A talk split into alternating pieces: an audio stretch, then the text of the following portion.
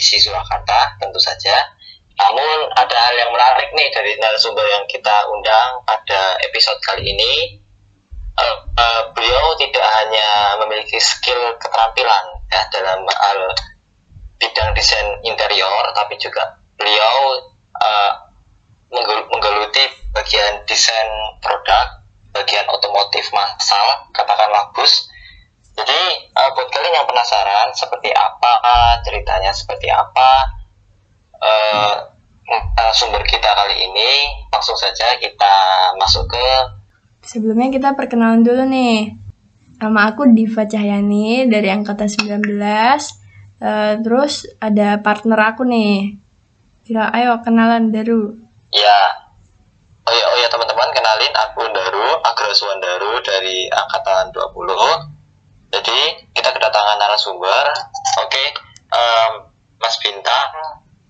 Uh, halo, apa kabar Mas Bintang? Uh, halo Daru. Kabar baik nih, alhamdulillah. Gimana nih kalian nih kabarnya? mahasiswa DI isi Surakarta. Iya, kabar kita alhamdulillah ya, baik-baik aja. Alhamdulillah. Mungkin ya baik-baik aja kuliahnya sih kak. Online terus ya. Iya sih kak, agak stres gitu kak. ya. Jenuh ya berarti ya. Online nggak pernah ketemu di kampus, nggak pernah dimarahin dosen secara langsung kan? Nah iya nih, apalagi ya. apalagi anak yang 20 nih, jarang-jarang ke kampus nih, ada yang belum pernah ke kampus sama sekali nih. Dia masih Oh iya? Iya, ada. Belum pernah? Uh, uh, wow. Iya, ya karena kondisi pandemi tersebut dan regulasi aturan dari daerah-daerah yang berbeda, beberapa belum bisa ke Solo katakanlah gitu karena uh, satu dua hal yang memang tidak bisa untuk uh, datang begitu. ya udah ya. Ya memang prosesnya seperti itu. Belum belum ada PKKMB dong kalian ya 2020 ya? Belum. Sudah. Ospek ospek ospek. Tapi Oh, ada. sudah online. online. Iya. Dan itu kurang dong. sangat Sangat seru sekali. Iya, kita kita kita menjalani PKKMB, tapi ketika masuk kampus kamar mandi aja masih bingung tempatnya di mana. Ya, begitulah nasib online. Oh iya, ngomong-ngomong, kita belum kenalan Ya. nih, Mas Bintang. Sil- silahkan kenalan dulu nih, biar buat teman-teman yang belum tahu nih. Gimana Oke, kenalan? ya, makasih Mbak Diva, Mas Daru. Uh, perkenalkan, nama Bintang Maulana Zakaria, uh, bis- bisa dipanggil Bintang. Aku asli Malang, uh, tinggal di Jakarta dan bekerja di Jakarta. Waduh, boleh nih kita tanya-tanyain nanti ya. Waduh, jauh ya. Ya lumayan lah. Ada tol Trans Jawa deket kok sampai Solo, Jakarta cuma 8-9 jam doang kan nyampe. Jadi sekarang si lagi sibuk apa nih Mas di Jakarta? Kerjanya bisa dikenalin nggak nih? Kalau sekarang sih aku lagi kerja di salah satu corporate rumah sakit ya. Itu sebagai interior designer sih. Itu juga baru-baru aja pindah. Sebelumnya aku kerja di bidang lain. Jadi aku baru pindah ini sekitar akhir tahun kemarin, sekitar September gitu. Gitu. Eh, Kalau cerita eh, gimana ya? Proses sebelum sebelum masuk ke apa tadi corporate yang rumah sakit di Jakarta itu, kira-kira dulu Mas Bintang ini lulus dari kampus ke mana dulu nih? Perjalanannya gitu. Oh, Ah, jadi habis lulus ini, ah, kerjaan setelah lulus itu ya. Iya iya iya. Eh, singkat cerita aja nih, habis lulus itu aku lulus tahun 2017 bulan Februari wisuda. Waduh. Nah setelah wisuda itu alhamdulillah langsung dapat panggilan, langsung dapat panggilan di salah satu eh, industri industri karoseri karoseri New Armada namanya di Magelang ketika itu. Nah sebelumnya itu aku melamar sih di situ melamar melamar secara online ketika itu ketika sebelum wisuda itu aku coba-coba iseng-iseng nih melamar soalnya kenapa karena emang aku udah kecil suka banget nih gambar-gambar kendaraan, gambar otomotif. Pokoknya semua otomotif aku gambar lah, motor, mobil, bis, kereta gitu itu aku semua aku, aku gambar semua lah, aku sketch. Suka banget aku gambar-gambar itu. Nah itu gara-gara aku lihat iklan di websitenya New Armada itu sebelum wisuda, pas sebelum wisuda itu aku langsung nyoba, nyoba apply. Eh ternyata habis wisuda beberapa hari lah, hanya seminggu itu aku keterima langsung langsung pindah deh habis itu langsung hijrah dari Solo langsung ke Magelang dan ketika itu gas gak nyampe dua minggu saya sudah langsung kerja kerja full di situ di, di Armada Magelang langsung menjadi karyawan tetap ketika itu ya mereka mencarinya soalnya mencari karena tetap sih bukan kontrak.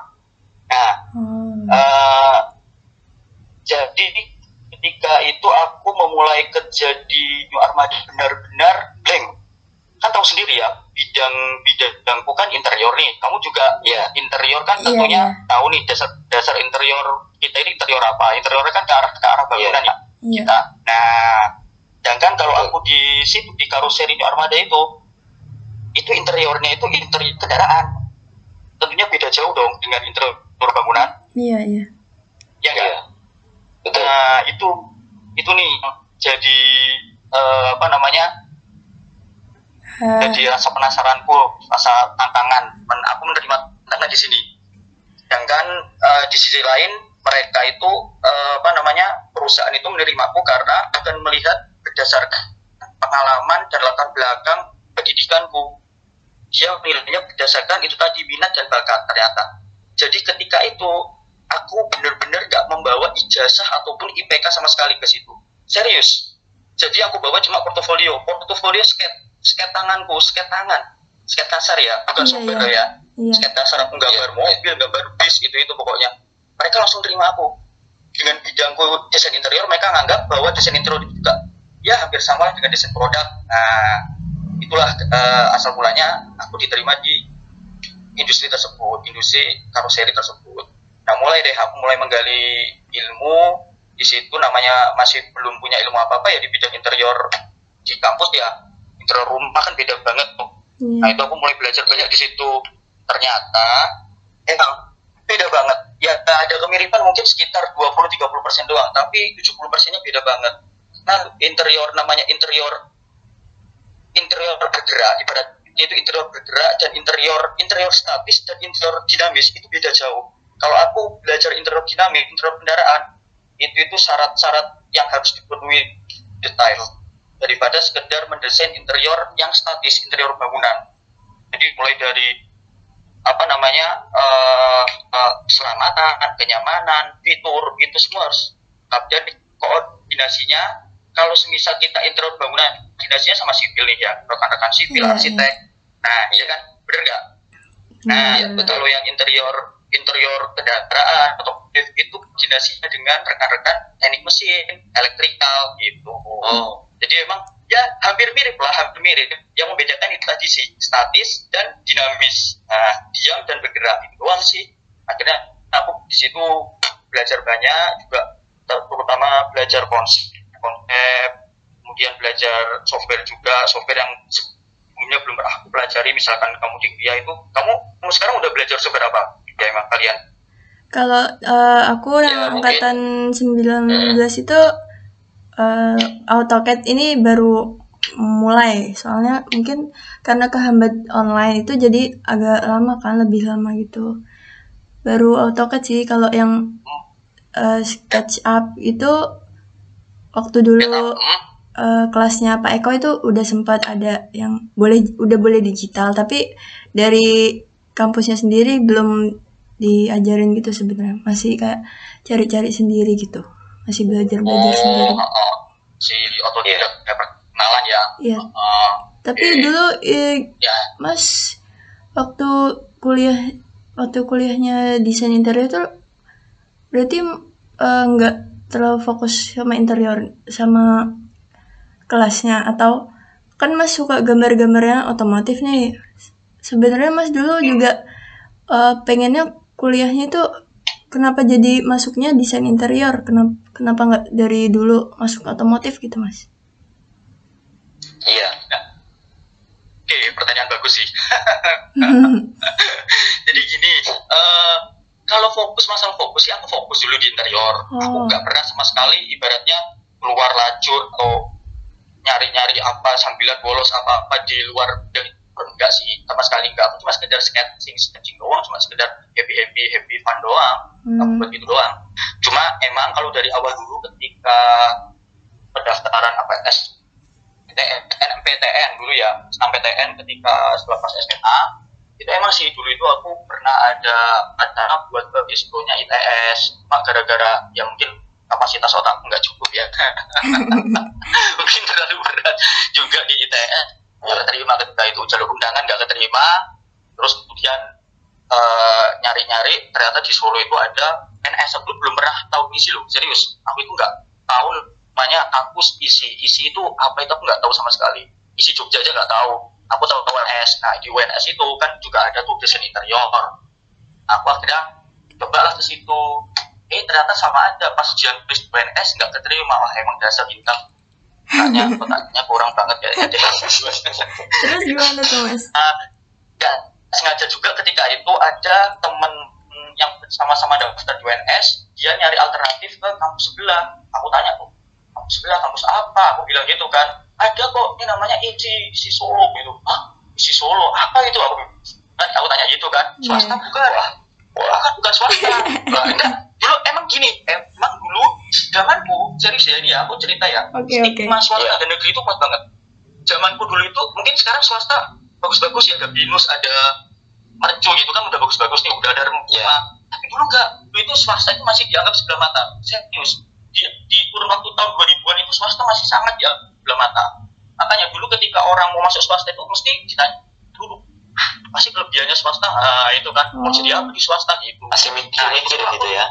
Betul aku juga terbawa stigma itu stigma dari orang-orang terhadap kampus swasta. Nah akhirnya aku coba eh, ekspor tuh isi sekolah itu apa sih? Nah, akhirnya aku tanya-tanya ke bagian dan informasi direktorat ketika itu oh ternyata di aku soalnya lihat plat-plat mobilnya rektor kalau nggak salah AD 1 apa ya itu ya nah, aku lihat plat nomor plat merah itu aja udah langsung tahu oh kayaknya ini negeri deh. Tapi kok aku nggak kenal gitu kan?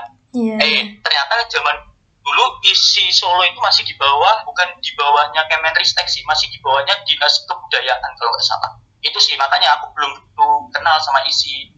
Nah dari situlah aku langsung nyoba daftar ke isi. Eh ternyata alhamdulillah rezekinya di situ itu isi Solo Ya, oke. Itu ceritanya. Wah, kalian dulu juga sama. masih itu ya. kalian sekarang aku tanya nih kalian kalian kesasar kayak aku gini atau emang udah dari kecil punya niat masuk interior? Daru sama dulu. Mbak Diva dulu. Oh, kalau kalau aku dulu aku itu SMK, aku dulunya SMK kan, bukan SMA. Terus SMK aku itu teknik sipil.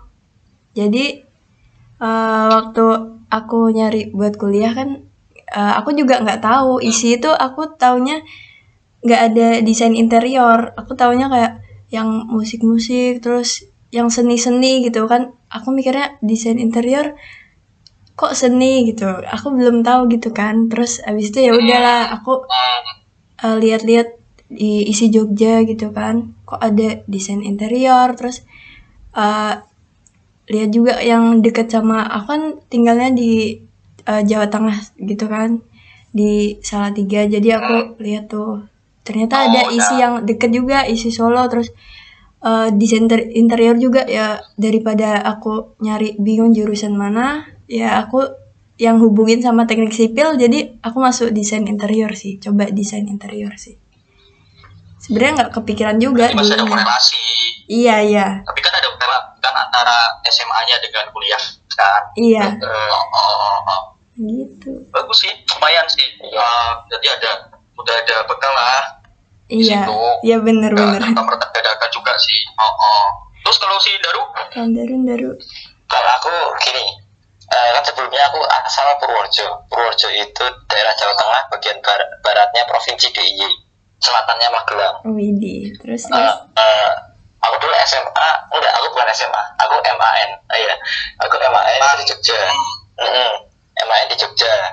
Terus eh, waktu gitu kan, kayak eh, aku suka kayak manfaatin, eh, kayak ya manfaatin untuk uh, semacam menjelajah gitu loh dalam kedok pendidikan. Nah gitu. Jadi aku SMA di Jogja terus kemudian uh, aku mau masuk uh, jurusan desain waktu itu belum spesifik desainnya apa pokoknya desain gitu aja terus kemudian uh, beberapa kampus tak pilih ya ada isi Jogja UNS isi sampai Malang sampai Malang. Udah paling jauh Malang.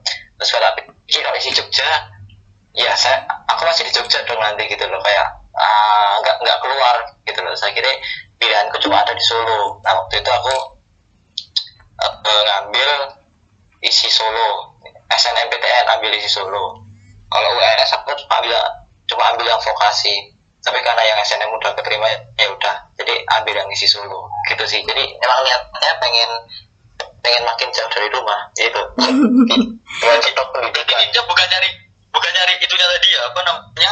Bidang yang interiornya nih. pengennya nyari jauh dari rumah ya? Iya di Sambi gitu. Kayak belajar di Sambi jauh gitu. Tapi kayaknya banyak ya, juga nih. Ya, salah jurusan. iya begitu lah buat melatih kemandirian lah apalagi cowok. Aku ya. pengen kabur sih. Oke. Terus waktu jadi apa? dari dulu lah tanya lah. Oke okay. uh, jadi dulu tuh mas masuk itu kampus IS itu gimana sih gitu pandangannya? Waktu awal-awal masuk jadi mahasiswa? Kalau aku awal masuk dulu itu isi masih ya aku bilang tadi sih masih ketika itu masih belum begitu tenar ya kayak sekarang ya kayak zamanmu sih. Jadi dulu masih kalau aku lihat cara fisik ya fisik kampusnya dulu lah kita bicara fisik dulu fisiknya yeah. itu iya. masih sepi banget aku aja juga masih baru tahu itu ketika pro setelah pendaftaran itu sih setelah tes itu aku baru tahu rata-rata isi itu nggak cuma di sebelah WNS kampusnya gedungnya rata ada yang di road wah di yeah. itu waduh sepinya masya allah sepi banget. Yang kampus dua ini hutan, berarti ya mas? Kayak hutan padang padang rumput itu kan aduh apalagi banyak tempat buat ternak sapi ternak kambing gitu. Waduh kumpul semua di situ. Oh tuh tahun itu udah itu ya? ini kan. Udah itu, kampus dua ya? tahu. Ih hening sih hening cuma ya nggak gitu juga sih heningnya itu ya ampun kayak aduh eh gitulah pokoknya nggak bisa digambarkan dengan kata-kata. Cuma ya emang sih kalau orang yang nggak suka keramaian itu enak banget. Suasananya kan masih alami ya natural gitu ya. Hmm. sampai sekarang masih sepi Jadi, kok mas. bener-bener kosong. Masih sepi ya? Iya. ya kan sekarang covid. Aja sepi gimana sih? Ya maksudnya dulu waktu kalau waktu offline dulu juga ya nggak yang orang main-main ke sini gitu. Mainnya lebih ke deket-deket UNS oh. gitu kan nyari makan juga susah oh, gitu loh. sama aja. Iya. Sama aja berarti ya. Iya sama aja masih gelap. Udah sepuluh udah sepuluh tahun kan? Hampir sepuluh tahun nih. Hampir sepuluh tahun sama aja Dra iya masih gelap. Yang bagian galeri. Hmm Gue belum ada kali galeri. Udah ada belum mas? Udah ada. Oh, udah aku ada. pas zamanku itu jadi yang udah ada itu gedung dekanat, terus gedung kria, gedung dua kria, terus gedung yeah. tiga yang kuliah tempat tempatnya anak kuliah ya, fotografi itu loh kuliah bersama itu yeah. tiga gedung empat gedung empat anak TV gedungnya anak TV sama galeri itu doang sih yang udah jadi dan itu masih sangat sepi bang sekarang Sama agak rame karena ya. ada asrama sih. Oh asramanya udah jadi ya berarti ya? Udah udah. udah Ini ya? aku di asrama sih. Tapi yang cewek oh, di asrama. Oh. Iya tapi. Cewek doang ya cowok. Iya cewek ya? cewek. Cewek cewek. Ya ramenya cowok, kebantu rame tuh. Sama cowok katanya. Apa? Kalau tadi nggak nggak nggak Diva Oke, okay, nah, uh, terus kembali lagi ke yang tadi untuk uh, perjalanan karirnya. Habis di Armada itu kira-kira berapa tahun mas di, di New Armada ya? New Armada, hmm, itu aku di situ cuma satu setengah tahun doang sih. Eh, lama, enggak lama ya, enggak begitu lama ya. Ya emang sih uh, enak. Ya, cuma ya mungkin gara-gara karirnya stagnan di situ itu sulit kali buat uh, mencapai karir yang lebih tinggi itu sulit ya di, di sisi lain juga uh, kita nggak munafik lah kalau kita udah di dunia kerja itu kan paling nggak kan uh, penyesuaian salary kan ada itu yang harus kalian pahami juga penyesuaian salary itu harus ada per tahunnya itu harus ada penyesuaian sedangkan di sana itu ketika itu aku belum mendapatkan untuk aku sendiri ini bukan bukan curhat ya bukan uh, melihat bodohnya ya maksudnya ini kita cerita aja sharing biar teman-teman yeah. juga iya. tahu nih so kalau misalkan udah di dunia kerja ternyata itu loh syarat-syarat yang harus dipenuhi syarat mutlak yang harus dipenuhi kalian ketika beranjak di dunia kerja jadi nggak hanya serta merta melihat job saja cuma lihat juga uh, kapasitas perusahaannya gimana uh, tingkatan karir perusahaan gimana dan juga salary perusahaan mereka memberikan salary seberapa itu juga harus jelas harus kalian pahami gitu. Ya itu sih gara-gara gara-gara itu aku juga uh, ingin hijrah maksudnya pengen jauh lah nyoba lah di luar kota jangan eh di luar provinsi nggak cuma di Jawa Tengah aja muter aja Solo Magelang gitu kan kayak muter-muter situ doang. Yeah. pengen sekali-kali ke Jakarta. Itu sih.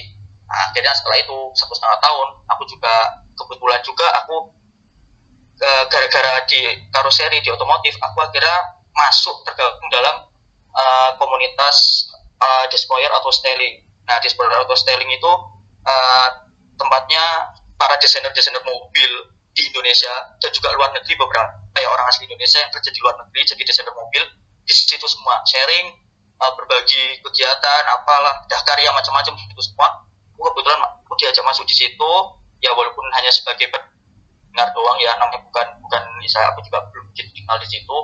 Akhirnya aku dari situ juga dapat info link untuk kerjaan aku selanjutnya di Jakarta.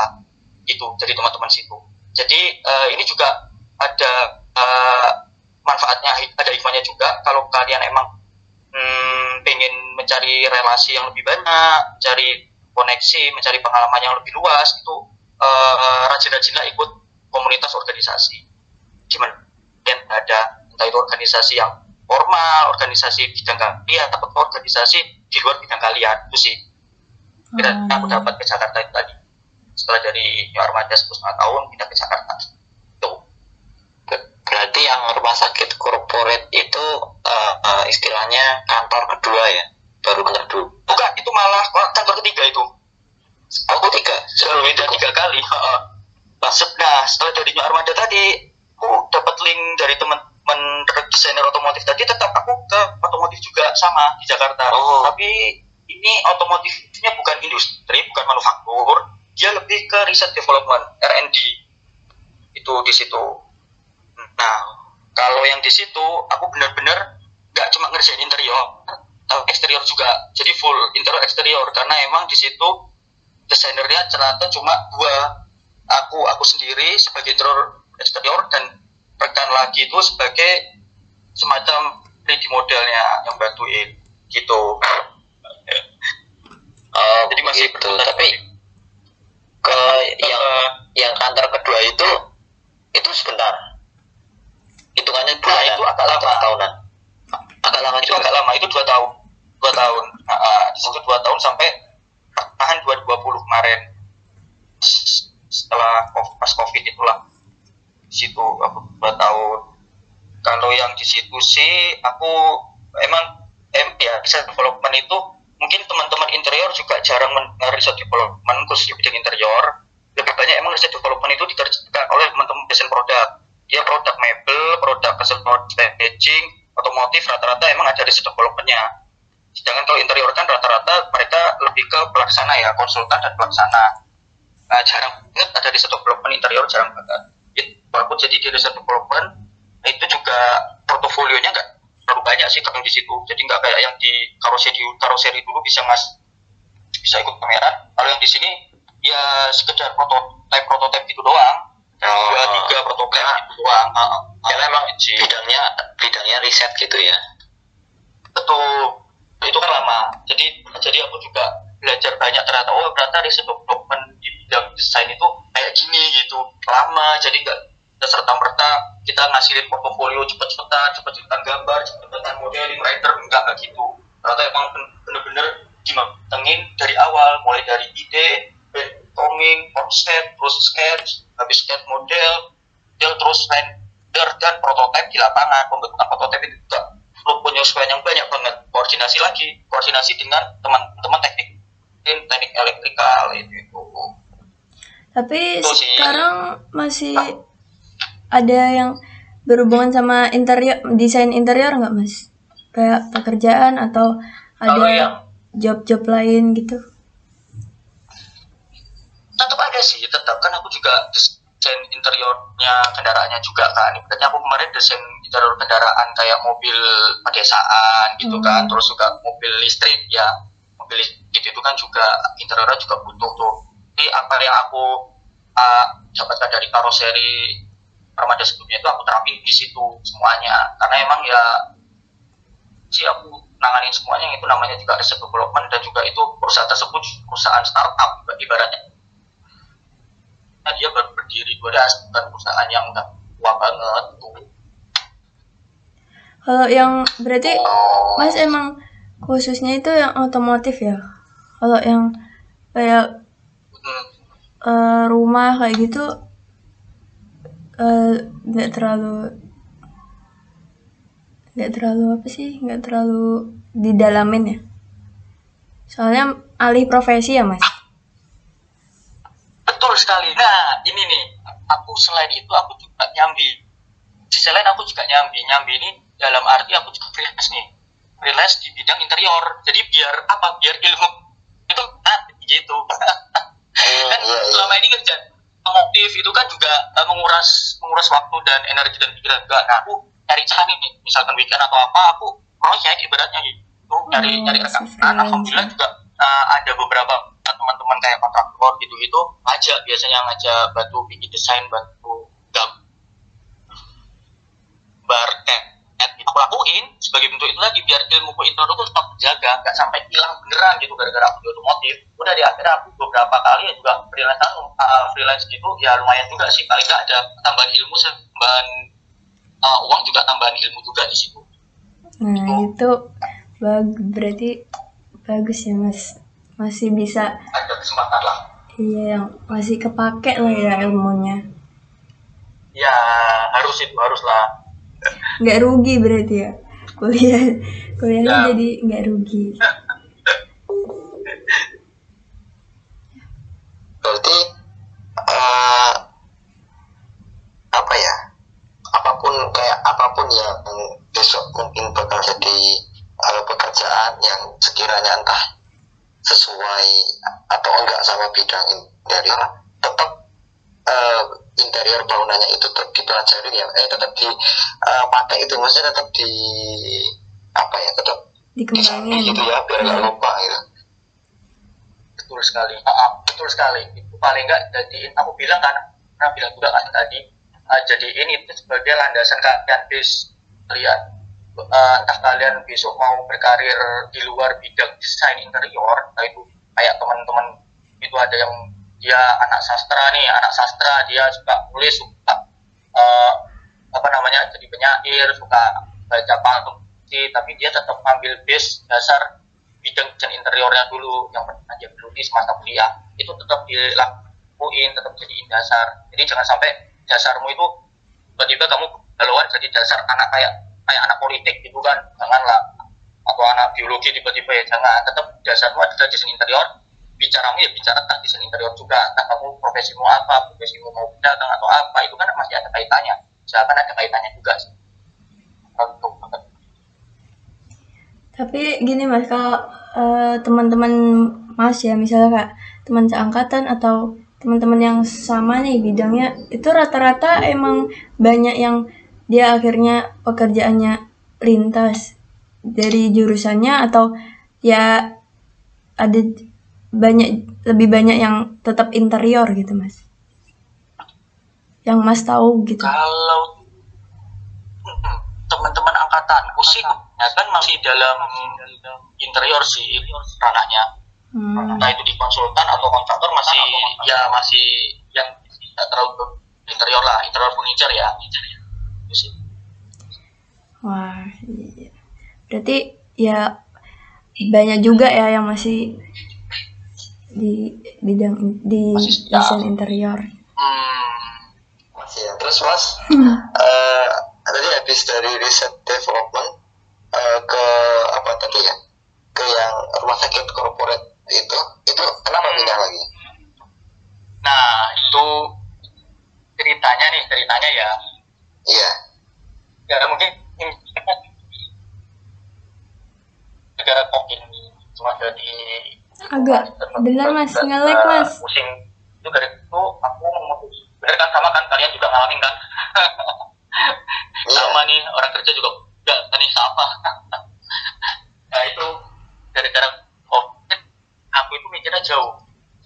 Kenapa bisa jauh? Aku juga dengar-dengar berita, aku sering update berita juga, gimana perkembangan otomotif di Indonesia ketika pandemi seperti ini, dan juga apa pandemi seperti apa, itu ngeri ngeri banget sih. Aku lihatnya ngeri banget emang.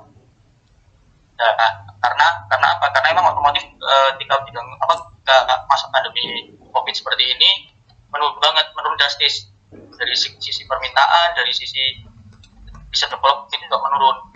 Misalnya kurang bergairah lah bidang yang kena itu salah satu otomotif kurang bergairah. Nah itu aku memutuskan untuk hengkang untuk menyelamatkan diriku sendiri gitu. Ya kan? Oh. wajar lah orang menyelamatkan diri kan Iya. wajar ya namanya juga takutnya nanti ada apa di kemudian hari Iya. gitu kan? Sebelum Nah, kemungkinan terburuk terjadi gitu ya kak. Betul. Iya kita harus jaga-jaga cari alternatif secepatnya aku memiliki eh, firasat seperti itu. Nah aku langsung berinisiatif untuk bertobat kembali ke jalan yang benar. Yaitu bidang desain interior lagi. Nah. Ya itu sih akhirnya aku juga eh, eh, ketika itu aku coba play juga ke beberapa eh, eh, company juga beberapa konsultan kontraktor. Itu emang agak-agak sulit ya namanya aku juga berkarir tiga tahun ya. Itu aku terhitungnya tiga tahun setengah di bidang otomotif.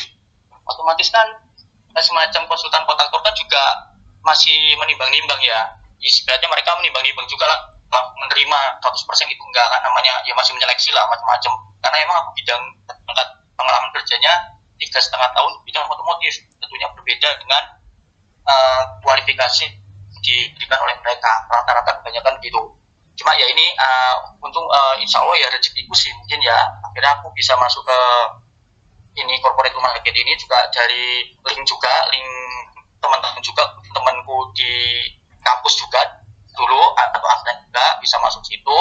Udah deh akhirnya aku bisa masuk situ tanpa harus menunggu lama-lama. Jadi ibaratnya aku resign bulan itu langsung berdepannya udah udah buka tadi aku coba. Ini kerjanya masuk interior ini rumah sakit nah ini juga kalau interior ini aku merasa tertantang nih. Karena apa? Aku kan dari dulu orangnya suka banget nih tantangan Iya. nggak suka zona nyaman. Sama sekali aku sangat nggak suka. Kamu suruh itu aku jadi PNS enggak aku ogah ma. Males banget PNS kawan PNS kan kayak gitu. Ibaratnya gitu ya. Kita- Iya, iya, kita bener. bandingin dengan Gitu. kerjaan lain ya oh, oh, aku paling anti banget sama kerjaan kerjaan yang kalau nyaman seperti itu. Nah di rumah sakit aku mikirnya itu kan jarang banget desainer yang desain rumah sakitnya nggak. Kamu pernah dengar nggak? Ya, ada interior desain rumah sakit. Pernah kepikiran nggak? Mm, belum sih biasanya rumah Belum ya? ya. Kalau kayak interior publik Nah, aja itu enggak. mungkin pelajarannya aja kayak kafe restoran eh, yang yang Nah. umum-umum aja nggak kepikiran rumah sakit sih. Rumah sakit enggak ya? Nah itu sama aku dulu juga ketika ada pekerjaan itu aku juga enggak enggak aku enggak pikiran gimana gimana justru aku eh, di situ merasa tertantang. Gimana sih desain rumah sakit? Maksudnya apa aja sih skopnya interior rumah sakit itu kayaknya orang mikir kan gitu-gitu aja deh. Itu kan. Biasanya kan kalian mesti mikirnya juga gitu kan. Kayaknya Iya, iya. rumah sakit itu nggak perlu didesain yang se lux Iya, luxurious iya. atau se mewah se apa gitu kan. Ya enggak ya enggak sih? Iya benar-benar Iya, biasanya putih gitu ya uh, netral gitu kan ibaratnya netral bersih clean gitu ya. Uh, iya iya. ternyata ternyata di situ nggak nggak serta merta sesuai dengan anggapan gitu anggapan kita aja ternyata di awal ternyata ketika aku terjun masuk banyak sekali detail. Sama ketika aku dulu menganggap desain otomotif itu dari luar itu simple atau gimana tapi ternyata enggak. Ketika kita udah mulai terjun di dalamnya ternyata itu eh, benar-benar menguras detail detail dan spesifikasi yang cukup tinggi bagi kita. Apalagi kalau misalkan teman-teman uh, sering apa ya interiornya besok uh, mau kerjanya terlepas dari kampung kecil perbudakan yang biasanya rumah kantoran seperti ada itu enggak beda seperti itu benar-benar detail. Porsi porsi untuk interior itu kalau bisa dibilang itu lebih besar daripada porsi buat arsitek interiornya. Jadi ada kalau teman-teman tahu itu per per di, rumah sakit kan ada ruangan-ruangan kayak ruangan OC, ruang hemodialis, hemodialis itu yang ruang cuci darah, terus ruang uh, ruang apa namanya, ruang X-ray gitu-gitu kan, itu kan banyak banget. Nah itu ternyata peletakannya itu juga perlu kita yang nanganin. Jadi bukan serta merta oh orang petugas rumah sakit aja itu yang menaruh enggak, tapi, tapi dari kita juga perlu juga perlu ilmu ilmu untuk menyusun merancang gitu tadi merancang detail-detail peralatan instrumen rumah sakit. Itu. Nah itu yang aku yang aku jadi tantanganku sekarang itu itu aku concern banget nih wah asik nih kayaknya nih. Ilmu baru lagi pertanyaan gitu di rumah sakit. Jadi ya di, di samping aku juga desain desain ruangan-ruangan mar inapnya rawat inapnya biasanya rawat inap VIP SVIP gitu kan seperti VIP atau desain lobby aku juga bantu untuk di itu tadi desain interior alat-alat instrumen ruangan rumah sakit tadi. Tentunya di tempatku juga ada di, uh, arsitek itu si arsiteknya arsitek dari luar dia beliau juga sering menggarap beberapa rumah sakit di Indonesia. Jadi kebetulan juga menggarap di rumah sakit Padu Jati itu sih arsitek. Wah. Tapi dia itu pengalaman baru sih mas. banyak banget ya. Baru, iya, bener iya yang masih. Di luar yang aku pikirin sih. Pengalaman anti mainstream nah itu sih. Ya Iya, paling nggak bisa buat bekal teman-teman sih. Paling paling nggak jangan jangan terlalu apa harus harus terus interiornya interior ini rumah apa apa. Janganlah. Kalau misalkan emang ka- kalian punya minat sekiranya minat atau potensi ketertarikan di bidang lain ya monggo lakuin aja. Cuma tetap bawa to base atau dasar interior desain tadi harus dibawa. itu Berarti yang podcast kali ini tentang pengalaman kerja gitu, lebih ke pengalaman kerja gitu sih. Kayak kita banyak banget dapet ilmu dari Mas Bintang, kayak yang nggak pernah kita pikirin sebelumnya juga sih. Kayak eh, iya bawanya pakai pot bakat bakat dan minatnya gitu ya nggak melulu sama Iya. desain interior ya jadi eh, buat podcastnya yang part pertama sampai sini dulu. Ntar eh, kita lanjut ke part kedua